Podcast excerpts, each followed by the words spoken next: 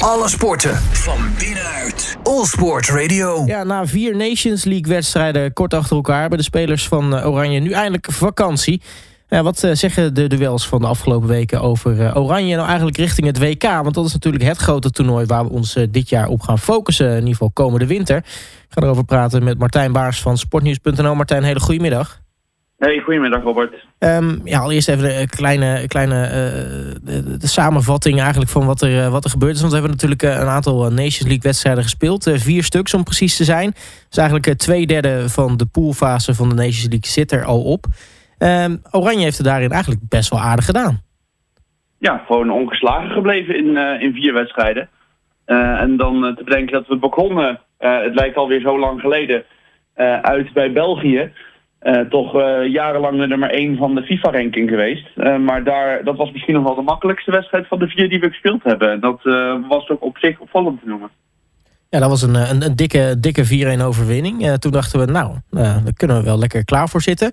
Um, hebben inmiddels nou ja, twee wedstrijden tegen Wales en een wedstrijd tegen Polen gehad. En nou ja, we hebben eigenlijk nog wel, in ieder geval die wedstrijden tegen Wales, behoorlijk mazzel gehad.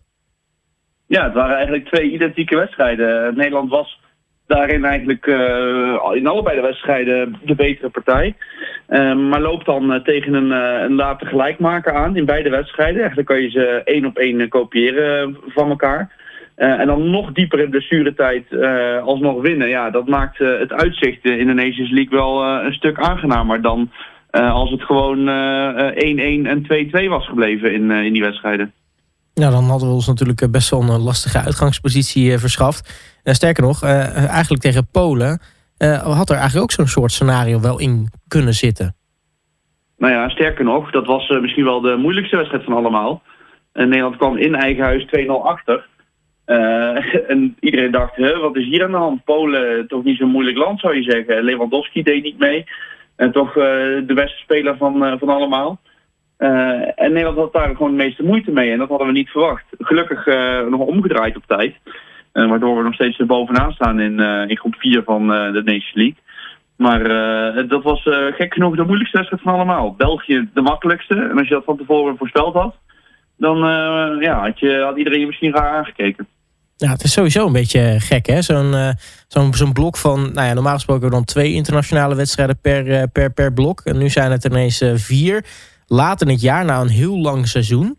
Uh, Nederland heeft op zich nog wel van alle toplanden, als je het zo bekijkt, uh, toch nog wel de meeste nou ja, jeu om, om nog te voetballen. Want er zijn, er zijn grote voetballanden die het er een stuk lastiger mee hebben, zo'n uh, zo'n Nations League blok aan het einde van een lang seizoen. Ja, en kun je nagaan waar zo'n land als Wales, waar we dus twee keer tegen gespeeld hebben, die hebben zelfs een blok van vijf. Want die moesten tussendoor ook nog even kwalificeren voor het WK. Wat ten koste van Oekraïne gebeurde. Uh, dus, dus die hebben het misschien nog wel zwaarder. Maar ja, alle topspelers hebben het gewoon uh, ontzettend zwaar. Het is een, uh, een lang seizoen geweest.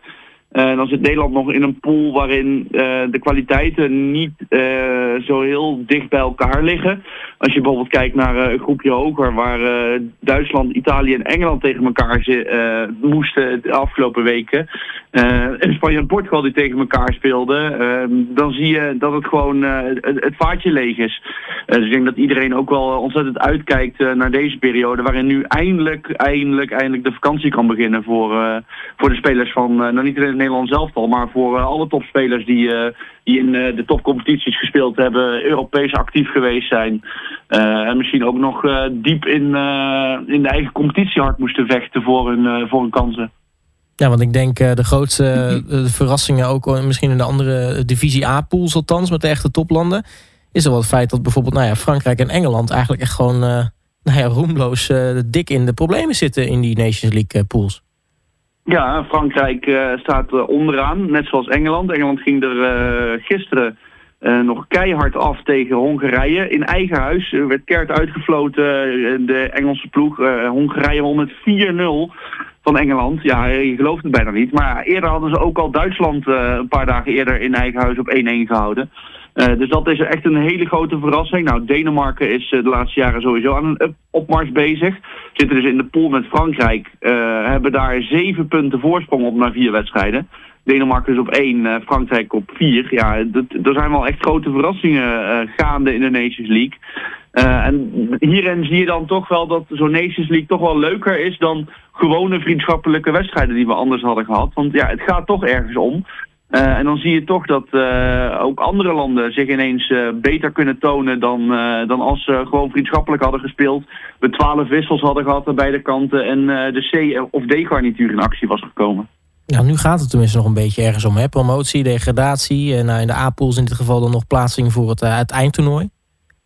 Ja, precies. Je wil, Nederland kan ook nog eens die, die finales van 2023 organiseren. Dus als Nederland groepswinnaar wordt, dan kan het zomaar zijn dat de, de halve finales en de finales, dus tussen de nummers 1 van groep A, dat die in Nederland worden afgewerkt. Dus dat zou echt super leuk zijn. Dat is dan ergens pas na het WK, dus dat duurt nog heel lang. Maar als Nederland groepswinnaar wordt, ten koste van België bijvoorbeeld, dan gaat Nederland het organiseren. Dus Nederland heeft daarin ook nog eens iets extra's om voor te spelen. Die laatste twee wedstrijden die overigens wel pas heel laat uh, in september dit jaar zijn. Nou, nu uh, is het dan eindelijk vakantie voor, uh, voor de spelers. Uh, sowieso lekker. Maar het, het, wordt ook weer een korte vakantie. Omdat het seizoen natuurlijk ook volgend seizoen ontzettend lang wordt. Door dat, door dat verrekte WK in de winter. Ja, dus er moet uh, vroeg begonnen worden aan de competitie. Dus je ziet nu ook uh, de eerste uh, competitieschema's bekend worden. De, de Eredivisie is vandaag bekend geworden. De Premier League is al gelekt. en je ziet gewoon dat het ja, echt één groot vol programma is tot aan zo begin november als de voorbereiding op, uh, op het uh, WK begint, wat dus in Qatar is. Uh, en dat stopt dus 19 december, dus dan is dat is vijf dagen voor kerst. maar op Boxing Day, tweede kerstdag, wordt gewoon traditioneel Premier League voetbal gespeeld. Dat is dus vijf dagen na de WK-finale wordt er in Engeland alweer gevoetbald. Pardon. Dat geeft, dat geeft wel aan hoe enorm vol dit schema zit. En misschien ook wel gewoon een les voor de FIFA om hier goed over na te denken of het überhaupt kan, uh, zo'n WK in de winter. Dat gaan we uh, vlak voor het WK en tijdens dat WK zien. of daar heel veel blessures ontstaan, of er daarvoor heel veel blessures ontstaan. Ja, het is toch het grootste landentoernooi van de wereld. Daar wil toch iedereen aan meedoen. dus je zult misschien ook wel zien dat die wedstrijden voor het WK, dat die misschien wat wat laffer gespeeld gaan worden. Geen blessures. En dat, dat die laatste rondes voor het WK gewoon wat een stuk saaier worden om naar te kijken. Ja, en dan uh, als je kijkt bijvoorbeeld dan naar, uh, naar, naar Pedri, is eigenlijk zo'n jaar wat hij vorig jaar had. Uh, dat hij zo ontzettend veel wedstrijden heeft gespeeld. Volgens mij alleen al voor Barcelona, volgens mij al een stuk of 73. En, en dan had hij natuurlijk ook nog, heeft hij het EK gespeeld voor Spanje. De, de Olympische Spelen in Tokio heeft hij gespeeld. kortom, ja, dat, dat zijn gewoon seizoenen waar we nu eigenlijk ook weer richting naartoe gaan met, met, met, met die ontzettend lange periodes waar, waarin we moeten spelen. Ja, en dan dat is de schuld, uh, om het maar schuld te noemen, van uh, de FIFA en UEFA. Die maar toernooien en toernooien en toernooien en toernooien blijven verzinnen. En achter elkaar laten opvolgen met voorrondes en nog finales erachteraan. Uh, misschien moeten ze eens een keer gaan nadenken of het niet te veel wordt. Als je nu al, al hoort dat de FIFA plannen heeft om het WK elke twee jaar te organiseren in plaats van elke vier jaar. Ja, dan, dan kun je wel verwachten wat, wat de reacties van de spelers wordt. Die gaan dan zeggen, eh, zoek het lekker uit met je eh, tweejaarlijks WK. Dat wordt, uh, wij moeten ook nog leven uh, 20 jaar, 30, 40, 50 jaar nadat we gevoetbald hebben. En niet met gebroken knieën en gebroken enkels of andere aandoeningen het leven voortzetten. Voetbal is heilig voor veel mensen. maar voor voetballers zelf zal hun gezondheid een stuk heiliger zijn. Nou, ik kan me voorstellen dat uh, een voetballer voetballen leuk vindt, maar uh, na zo'n lang seizoen toch het ook wel erg, erg fijn vindt om even, even niks te doen. Zeker, ze mogen natuurlijk niet klagen. Ze mogen voetballen voor een, uh, voor een werk en krijgen daar heel dik voor betaald. Dus uh, absoluut geen medelijden met ze. Maar ja, ze moeten inderdaad ook aan hun gezondheid denken. En met zo'n volle agenda wordt dat niet bevorderlijk. werkt dat niet bevorderlijk op hun gezondheid.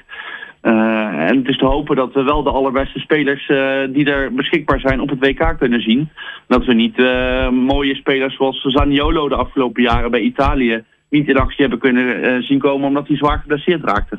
Ja, je zag het nu ook al bijvoorbeeld in, in, bij die eerste paar potjes van die Nations League. Bijvoorbeeld bij Engeland zag je dat heel erg. Hè? Spelers die eigenlijk elke wedstrijd dat er wel een aantal met een blessure afhaakte. Ja, ja en dat is, dat is het risico van zo laat nog zo'n lang blok te organiseren. Je kunt je ook afvragen, ja, waarom nu aan het einde van het seizoen nog vier van die wedstrijden achter elkaar plannen? Waarom niet drie of twee en dan begin van de zomer of eind van de zomer, dus zeg maar in augustus nog twee wedstrijdjes en dan in september nog twee? Dan, ja, het zal wel allemaal niet gepast hebben in de, in de agenda van de FIFA, van de UEFA en van de nationale competities. Um, maar dit is dan het gevolg. En dan is het te hopen dat ze op hun vakantie allemaal kunnen herstellen. En dat ze zo eind juli, begin augustus weer uh, klaar zijn. Want dan begint het allemaal alweer. Dat is uh, nog maar anderhalve maand ver weg. Kun je nagaan. Zes weken hebben ze. Ja. met nog voorbereiding wat er ook nog aan zit te komen. Het wordt echt pittig voor, voor die voetballers dit jaar. Ja, dan nog even terug naar het Nederlands elftal. Want uh, nou ja, Louis Vergaal is het. Ja, dit was natuurlijk een uit, uh, uit, uitgerekende kans om uh, even wat spelers in actie te zien, natuurlijk. Om te kijken van goh, hè, rit WK gaat het uiteindelijk om. Dus, dus met wat voor, een, wat voor een ploeg ga je naar, naar Qatar toe? Um, wat, wat kunnen we nu eigenlijk zeggen? Wat voor conclusies kunnen we misschien nu al trekken na die vier Nations League wedstrijden over nou ja, hoe het team richting Qatar wel eens uit zou kunnen gaan zien? Nou ja, als je kijkt naar zeg maar, de basiself, en dan hebben we het over uh, de wedstrijden tegen België en tegen Polen, waarin Louis van Gaal toch, uh, waar, waar, het op bleek, de, beste spelers selecteerde. Virgil van Dijk kreeg natuurlijk na België vakantie, want die had het al zo druk gehad, dus die speelde überhaupt niet. Dus kon je naar Stefan de Vrij, Matthijs de Licht kijken. tegen Wales zag je dan Bruno Martins Indy, die ook verrassend weer bij de selectie zat. Ja, Van Gaal zal straks 26 spelers mee mogen nemen. En als je dan kijkt bijvoorbeeld naar de aanval... Uh, tegen Wales heb je dan Noah Lang, Cody Gakpo gezien. Vincent Jansen deed nu mee. Uh, Van Gaal noemde de naam van Brian Brobby, die bij Jong Oranje goed bezig is. Uh, al als eventuele speler om mee te nemen naar het WK. De keuze is reuze zoals het spreekwoord zo mooi heet. Maar er is, lijkt één speler 100% zeker van een vaste plek. En dat is toch Frenkie de Jong. Die door Van Gaal gewoon gevraagd wordt, wil je spelen? En als hij zegt ja, dan staat hij erin. En je moet ook zeggen, als je dan zo kijkt, vier wedstrijden aan Nederland elftal en naar Frenkie de Jong. Dat wordt dan toch misschien wel de speler waar we op gaan letten en waar we op, op hopen. Los van de doelpunten van Memphis Depay en uh, Virgil van Dijk als leider achterin. Zo'n Frenkie de Jong is toch echt een, uh, nou, een heerlijke dirigent om het, uh, om het orkest aan te sturen. En die lijkt al zeker, als hij fit blijft, van zijn plekje op het WK. Nou, we gaan het allemaal meemaken wat er natuurlijk nog aankomt. Want we, we hebben natuurlijk nog een Nations League blok te gaan in, in september. En dan gaan we langzaam toewerken richting dat WK in Qatar. Uh, Martijn Baars van sportnieuws.nl, mag ik je hartelijk danken voor je tijd en uh, spreek je natuurlijk snel weer. Yes, tot snel. Alle sporten van binnenuit. All Sport Radio.